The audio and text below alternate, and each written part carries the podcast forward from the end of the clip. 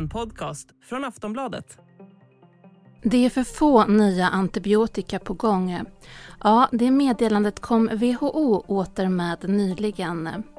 Antibiotika och antibiotikaresistens är ett globalt problem men för Sveriges del är det inte bara antibiotikaresistens som kan komma att utmana. Dagens gäst säger att medicin som hade kunnat fungera för Sverige kanske inte finns kvar i framtiden. Eh, om vi sitter som ett litet land med liten konsumtion och, och använder vissa antibiotika som ingen annan använder, då finns det ju en stor risk att de här försvinner från marknaden. Så att det behöver inte bara vara resistens som hotar våran möjlighet att behandla här i Sverige, utan även då risken för att preparaten helt enkelt inte finns på marknaden längre. Att det är för få nya antibiotika på gång lyftes av WHO under kongressen ECMID. Men hur allvarligt är det att det går trögt att få fram antibiotika som anses viktig för att möta utmaningen med antibiotikaresistens? Hur stort är hotet egentligen? Och för oss i Sverige, hur utmanande är läget för oss? Vi som är kända för att vara restriktiva med att använda just antibiotika. Varför är det så svårt att få fram nytt om alla är överens om att det behövs? Och finns det andra vägar att ta i kampen mot bakterier? Idag i Aftonbladet Daily så pratar vi om vad som ofta kallas en tyst tsunami. Jag som är med er, jag heter Eva Eriksson. Dagens gäst är Linus Sandegren, universitetslektor vid Uppsala universitet och har forskat om antibiotika i över 15 år. Så här tänker Linus kring att WHO säger att det är för få nya antibiotika på gång. Ja, det är helt rätt. Det, är det stora problemet som vi har just nu är att vi inte producerar nya antibiotika. Och framförallt inte nya klasser av antibiotika. Utan det som finns i, i pipelinen som man brukar prata om, det är varianter av de antibiotika som vi redan har på marknaden. Och det är lättare att göra sådana nya, eh, nya varianter helt enkelt. Men det ger en kort frist så att säga. Om bakterierna redan har resistens mot den här typen av antibiotika så kan de också förändra sin antibiotikaresistens och så blir de resistenta mot de nya varianterna. Så det viktigaste här, och det är det som WHO också pekar på, det är att vi behöver nya klasser av antibiotika. Helt nya varianter helt enkelt. WHO uppmanar då världens länder att agera och också helst koordinerat. Eh, att de säger det här, vad säger den signalen? Ja, signalen är som för de flesta sådana här globala problem som antibiotikaresistensen är en del av, eh, klimatförändringar och så vidare, att vi måste göra det här tillsammans. Det räcker inte med att det är ett land som satsar någonting på det här. Det finns skillnader här i, i och för sig också. Sverige ligger väldigt bra till, ska vi säga, internationellt när det gäller resistenta bakterier. Vi har väldigt små problem med dem. Medan man bara behöver åka ner i Sydeuropa så är problemen jättemycket större. Och det här har ju då med att göra med hur vi agerar.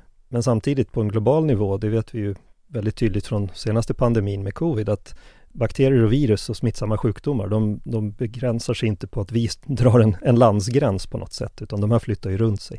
Och därför är det viktigt att alla jobbar tillsammans på det här problemet. Om vi då kollar globalt sett, är vi i ett allvarligt läge när det kommer till antibiotika och antibiotikaresistens? Ja, definitivt.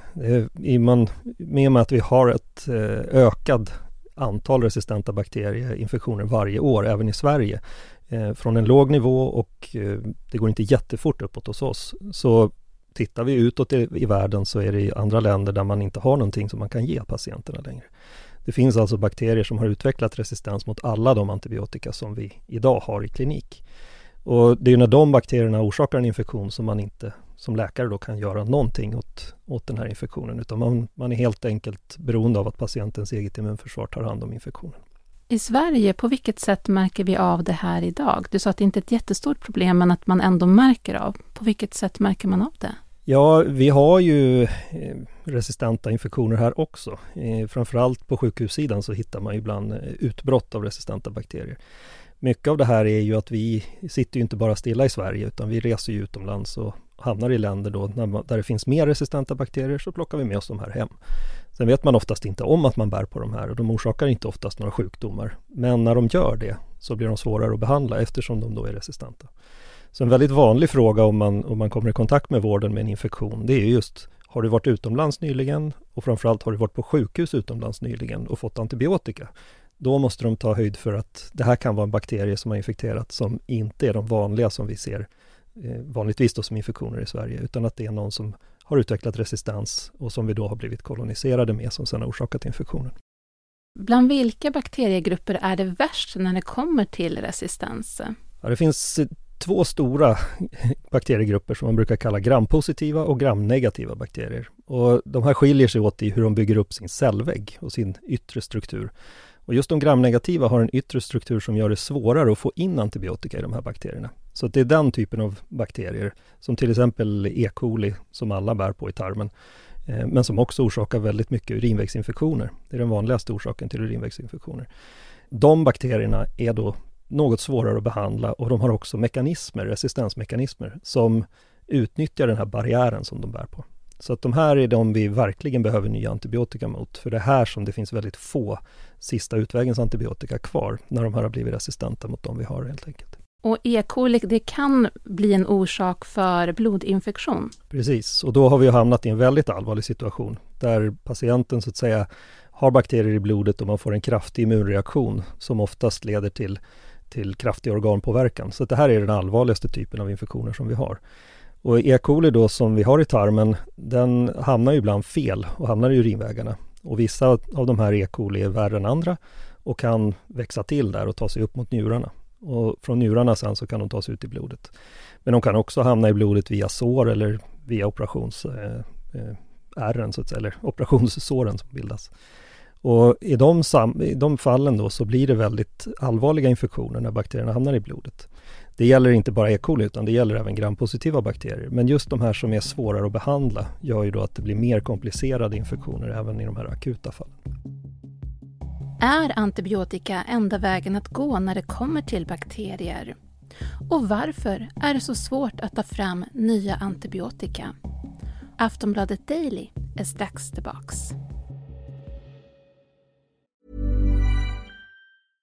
Flexibility is great. That's why there's yoga. Flexibility for your insurance coverage is great too. That's why there's United Healthcare Insurance Plans. Underwritten by Golden Rule Insurance Company, United Healthcare Insurance Plans offer flexible, budget friendly coverage for medical, vision, dental, and more. One of these plans may be right for you if you're, say, between jobs, coming off your parents' plan, turning a side hustle into a full hustle, or even missed open enrollment. Want more flexibility? Find out more about United Healthcare Insurance Plans at uh1.com.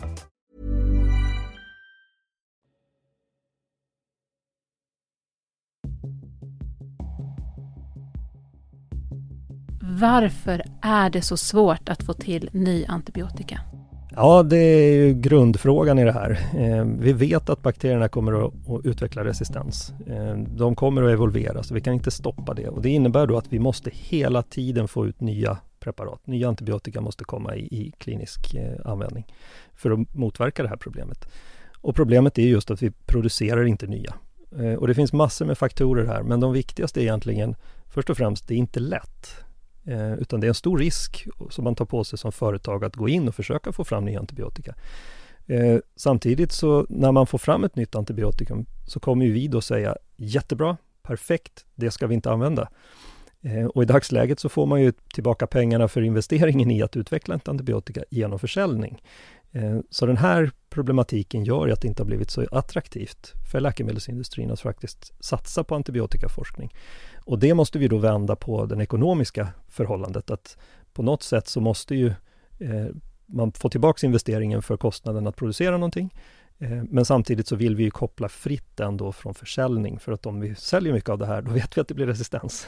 Så vi måste göra mm, om det ekonomiska systemet på det sättet eh, för att få industrin intresserad igen.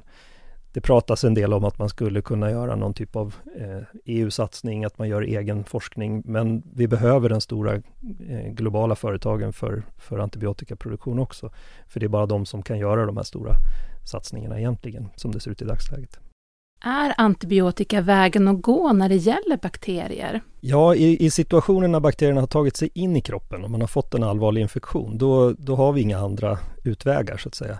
Eh, men en viktig faktor är också att undvika att bakterierna hamnar där. Eh, och det här jobbar ju vården väldigt mycket med, att man ska undvika infektioner i samband med olika ingrepp, som kirurgi eller eh, är man inlagd på, på sjukhus under en längre period kanske man får en urinkateter och då finns det risk att det kommer upp bakterier i urinvägarna där. Så att man måste också tänka på att man kan minska infektionerna. Då behöver vi så att säga ingen antibiotika för att bota dem. Så det är en bra väg ut från, från det här en, hög användning av antibiotika, om vi nu har mycket infektioner, så kan ju minskas av att vi har färre infektioner helt enkelt.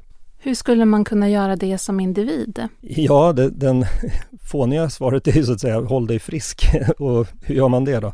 Eh, man kan ju undvika ökade riskfaktorer som till exempel rökning och, och övervikt, hjärt-kärlsjukdomar, alla de här som vi ser öka mycket i, i västvärlden framför allt. Där eh, vet man ju också att man kan bli mer infektionskänslig av de här eh, Eh, underliggande sjukdomarna. Det såg vi också under covid. De som drabbades värst och fick svårast infektioner var ju just de här grupperna. Eh, så på det sättet så kan man ju personligen undvika eh, att utsätta sig för en ökad risk genom livsstilsförändringar. Sen så kan man ju alltid säga det att vi, vi kan ju ha en bra hygien men vi ska inte gå till överdrift med det heller för att vi behöver bakterier också. Och det är faktiskt en större risk att vi rubbar våran normalflora som man brukar kalla det, de bakterier som lever på kroppen, då kan vi bli koloniserade av andra bakterier. Så att vi ska ju så att säga inte, inte föra ett krig mot alla bakterier egentligen. Men kan man då undvika en infektion eller liksom förhindra det genom att se till att man har en bra bakteriekultur? Eller tarmflora kanske det heter? Ja, tarmfloran är ju den vi pratar mycket om. Eh, att vi har väldigt mycket bakterier i tarmen och om man får i sig bakterier via maten eller vatten så måste ju de då konkurrera med de här bakterierna som redan finns. Eh, och har vi bakterier som inte orsakar infektion i så stor utsträckning i tarmen så skyddar ju de genom att konkurrera med de som kanske är mer skadliga för oss. Eh, hur man får en bra sån tarmflora, ja det, det finns massor med olika diskussioner runt det. Eh, det påverkas av kosten man äter. Det påverkas om man äter mat med bakterier, eh, laktobaciller till exempel i, i yoghurt och filmjölk och sånt. Så att men vilken påverkan det här har, det är väldigt individuellt också, så att det är svårt att säga någonting tydligt att alla ska äta det här. hade det funnits en sån, ett sånt råd så hade vi nog redan upptäckt det. Så att säga. Men kan man säga säkert att det gör en skillnad om man ser till att det är bra med bakterier i magen så att säga? Ja, det tycker jag man kan säga. Det man kan se det på framförallt är ju när vi behandlar med eh, det vi brukar kalla bredspektrumantibiotika, sådana som slår mot många olika bakterier. Om man får sån behandling under lång tid, då flyttar man ju, får man ju, blir man av med väldigt mycket av bakterierna som finns i tarmen. Och då ökar riskerna definitivt för att man koloniseras av andra bakterier som kan göra skada. Eh, och det här är någonting man jobbar mycket på inom sjukvården, att patienter som får mycket antibiotikabehandling under lång tid, cancerpatienter, transplantationspatienter, de eh, behöver man se till att de inte får en överväxt av fel sorts bakterier. Eh, framförallt efter att man slutar med den här behandlingen. Och där kan man då tillsätta eh, mera, eh, man ska inte ge dem uttryck som snälla bakterier, men sådana bakterier som inte orsakar infektioner i samma utsträckning. Få tillbaka normalflorans tarmbakterier helt enkelt. Förutom då ny medicin eller att undvika infektion så pratar man ju då ofta om begränsat antibiotikaanvändande. Ehm, hur stor betydelse har det inför hur framtida sjukvården ser ut? Det här är egentligen den viktigaste delen av att bromsa resistenta bakterier. Och det är ju för att det finns ingen fördel för bakterierna att vara resistenta om vi inte använder antibiotika. Så det är det som är lite moment 22 i det här. Vi måste använda antibiotika inom vården, men vi måste också se till då att vi använder den på ett så kontrollerat sätt som möjligt så att vi inte överanvänder den. För det är då som vi ger de resistenta bakterierna en fördel.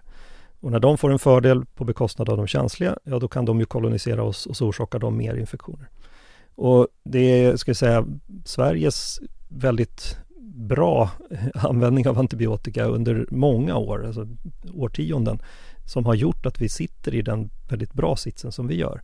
För att till skillnad från många andra sådana här globala problem så spelar det väldigt stor roll vad vi gör personligen och på hemmaplan i det här fallet.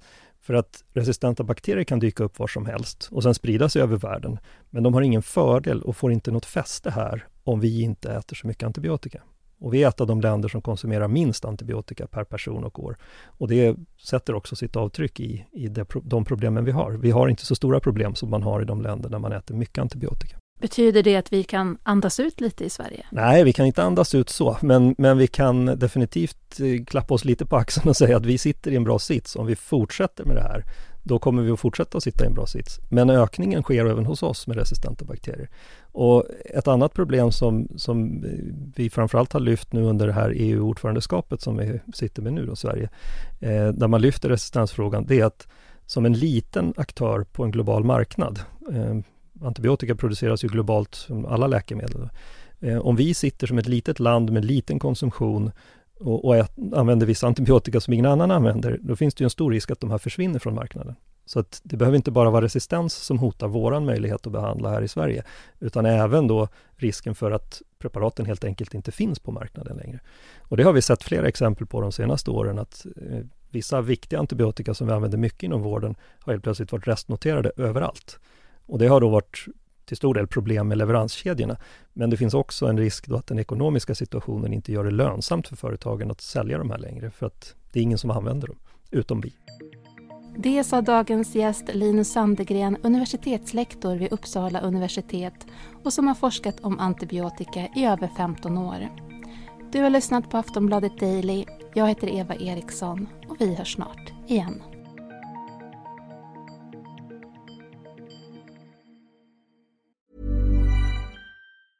A lot can happen in the next three years. Like a chatbot may be your new best friend. But what won't change? Needing health insurance. United Healthcare Tri Term Medical Plans are available for these changing times. Underwritten by Golden Rule Insurance Company, they offer budget friendly, flexible coverage for people who are in between jobs or missed open enrollment. The plans last nearly three years in some states, with access to a nationwide network of doctors and hospitals. So, for whatever tomorrow brings, United Healthcare Tri Term Medical Plans may be for you. Learn more at uh1.com.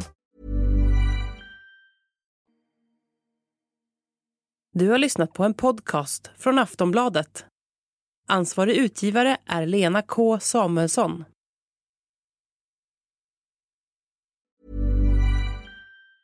Tired of ads barging into your favorite news podcasts? Good news. Ad-free listening is available on Amazon Music. For all the music plus top podcasts included with your Prime membership. Stay up to date on everything newsworthy by downloading the Amazon Music app for free or go to amazon.com slash news ad free. That's amazon.com slash news ad free to catch up on the latest episodes without the ads.